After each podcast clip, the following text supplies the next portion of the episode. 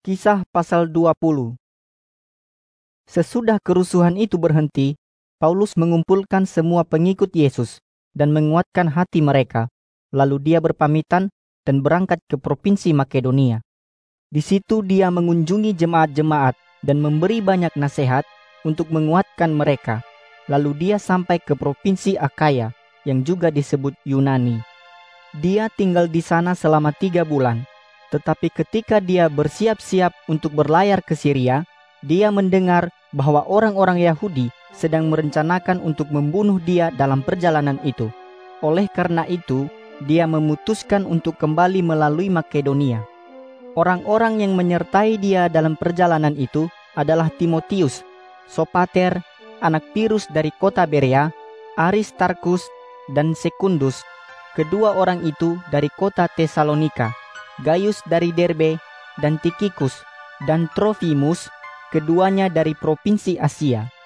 Mereka berangkat lebih dulu, lalu Paulus dan saya, Lukas, menyusul kemudian dan mereka menunggu kami di Troas. Kemudian, sesudah hari raya Paskah, kami berangkat dengan kapal dari Filipi menuju Troas. Sesudah lima hari perjalanan, kami berdua tiba di Troas dan bertemu dengan mereka. Kami semua tinggal di sana selama tujuh hari. Pada hari Minggu malam, kami dan saudara-saudari seiman di Troas berkumpul untuk makan bersama dan merayakan perjamuan kudus. Paulus berkhotbah kepada mereka lama sekali, sampai tengah malam, karena rombongan kami berencana untuk berangkat meninggalkan mereka besok paginya. Kami semua berkumpul di sebuah ruangan di tingkat atas, dan banyak lampu yang menyala.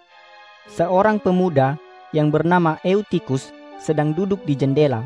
Sementara Paulus masih terus berbicara, Eutikus mengantuk dan sampai akhirnya tidak bisa menahan kantuknya lalu tertidur dan jatuh ke bawah dari tingkat tiga. Ketika orang-orang turun dan mengangkat dia, ternyata dia sudah mati. Tetapi Paulus turun ke bawah dan langsung berlutut di samping pemuda itu dan memeluk dia. Lalu Paulus berkata, Jangan khawatir, karena dia masih hidup. Kemudian Paulus dan kami yang lain kembali naik ke atas, dan dia memimpin perjamuan kudus. Lalu dia lanjut berbicara dengan mereka sampai subuh. Sesudah itu, dia berangkat bersama-sama dengan kami rombongannya. Lalu Eutikus itu diantar pulang ke rumahnya, dan semua saudara-saudari seiman di situ sangat senang karena dia masih hidup. Sesuai dengan rencana yang sudah kami atur, Paulus berjalan kaki dari Troas ke kota Asos, sedangkan saya, Lukas, dengan anggota rombongan yang lain berlayar lebih dulu ke Asos dan menunggu dia di sana.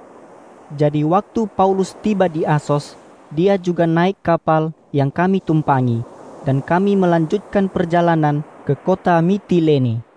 Hari berikutnya, kami berlayar dari Mitilene sampai melihat pulau Kios. Kami terus berlayar dan hari berikutnya kami melewati pulau Samos. Lalu besok harinya kami tiba di Miletus. Dengan demikian, kami sudah melewati Efesus. Paulus memang sudah memutuskan untuk tidak mampir di situ, supaya tidak terlalu lama tinggal di provinsi Asia, karena dia mau sedapat mungkin mengikuti hari raya Pentakosta di Yerusalem. Karena itu, Paulus mengirim berita ke Efesus dan meminta para penatua jemaat di sana datang untuk menemui dia di Miletus. Sesudah mereka tiba, dia berkata kepada mereka, Kalian tahu bagaimana caranya saya hidup di antara kalian. Sejak hari pertama, saya tiba di Asia sampai saat ini.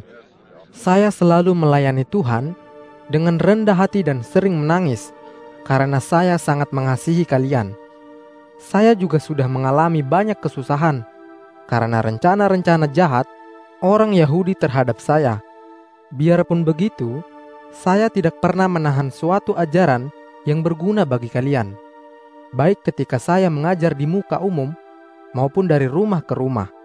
Saya selalu mengajar dengan terus terang, baik kepada orang Yahudi maupun kepada orang yang bukan Yahudi, supaya mereka bertobat dan percaya kepada Tuhan kita, Yesus. Tetapi sekarang, saya wajib menaati roh Allah yang menyuruh saya pergi ke Yerusalem. Dan saya tidak tahu apa yang akan terjadi dengan saya di sana. Tetapi di setiap kota yang baru-baru ini saya kunjungi, Roh Kudus sudah memberitahukan kepada saya bahwa nanti saya akan dimasukkan ke dalam penjara dan mengalami penderitaan. Tetapi bagi saya, hidup atau mati itu tidak penting. Saya hanya berpikir untuk berjuang sampai garis terakhir dan menyelesaikan tugas yang Tuhan Yesus sudah percayakan kepada saya, yaitu untuk memberitakan kabar baik tentang kebaikan hati Allah. Dan sekarang saya tahu bahwa kalian semua yang sudah lama saya layani dan ajar tentang kerajaan Allah tidak akan bertemu dengan saya lagi. Jadi, hari ini saya tegaskan kepada kalian bahwa kalau ada di antara kalian yang masuk neraka, Tuhan tidak akan menuntut saya, karena dengan setia saya sudah memberitahukan kepada kalian semua ajaran yang Allah kehendaki untuk kalian ketahui. Jadi, saya mendorong setiap kalian supaya menjaga diri sendiri dan menggembalakan seluruh jemaat dengan baik, karena Roh Kudus sudah menetapkan kalian sebagai penjaga dan gembala jemaat Allah, yang adalah kawanan dombanya yang sudah dia tebus dengan darah anaknya. Saya tahu bahwa sesudah saya pergi, serigala-serigala yang jahat akan menyusup ke antara kalian, dan mereka akan berusaha membinasakan kawanan domba ini. Bahkan dari antara kalian akan muncul orang-orang yang berusaha untuk memutarbalikkan ajaran benar, untuk menarik saudara-saudari seiman menjadi pengikut mereka. Oleh karena itu, berjaga-jagalah Ingatlah bahwa selama tiga tahun, siang dan malam, dan dengan banyak tetesan air mata, saya tidak pernah berhenti menasihati setiap kalian. Dan sekarang, saya menyerahkan kalian kepada Allah sesuai dengan janjinya kepada kita di dalam berita keselamatan tentang kebaikan hatinya. Kabar baik itulah yang berkuasa untuk menguatkan kalian, supaya menerima semua berkat yang sudah Allah sediakan bagi umatnya yang disucikannya. Saya tidak pernah menginginkan harta kalian, baik berupa perak, emas, atau pakaian. Kalian sendiri tahu bahwa saya sudah bekerja dengan kedua tangan saya supaya bisa memenuhi semua kebutuhan saya dan kebutuhan beberapa saudara seiman yang bekerja sama dengan saya. Dengan begitu, saya selalu berusaha untuk menjadi teladan bagaimana seharusnya kita bekerja keras untuk menolong orang-orang yang lemah.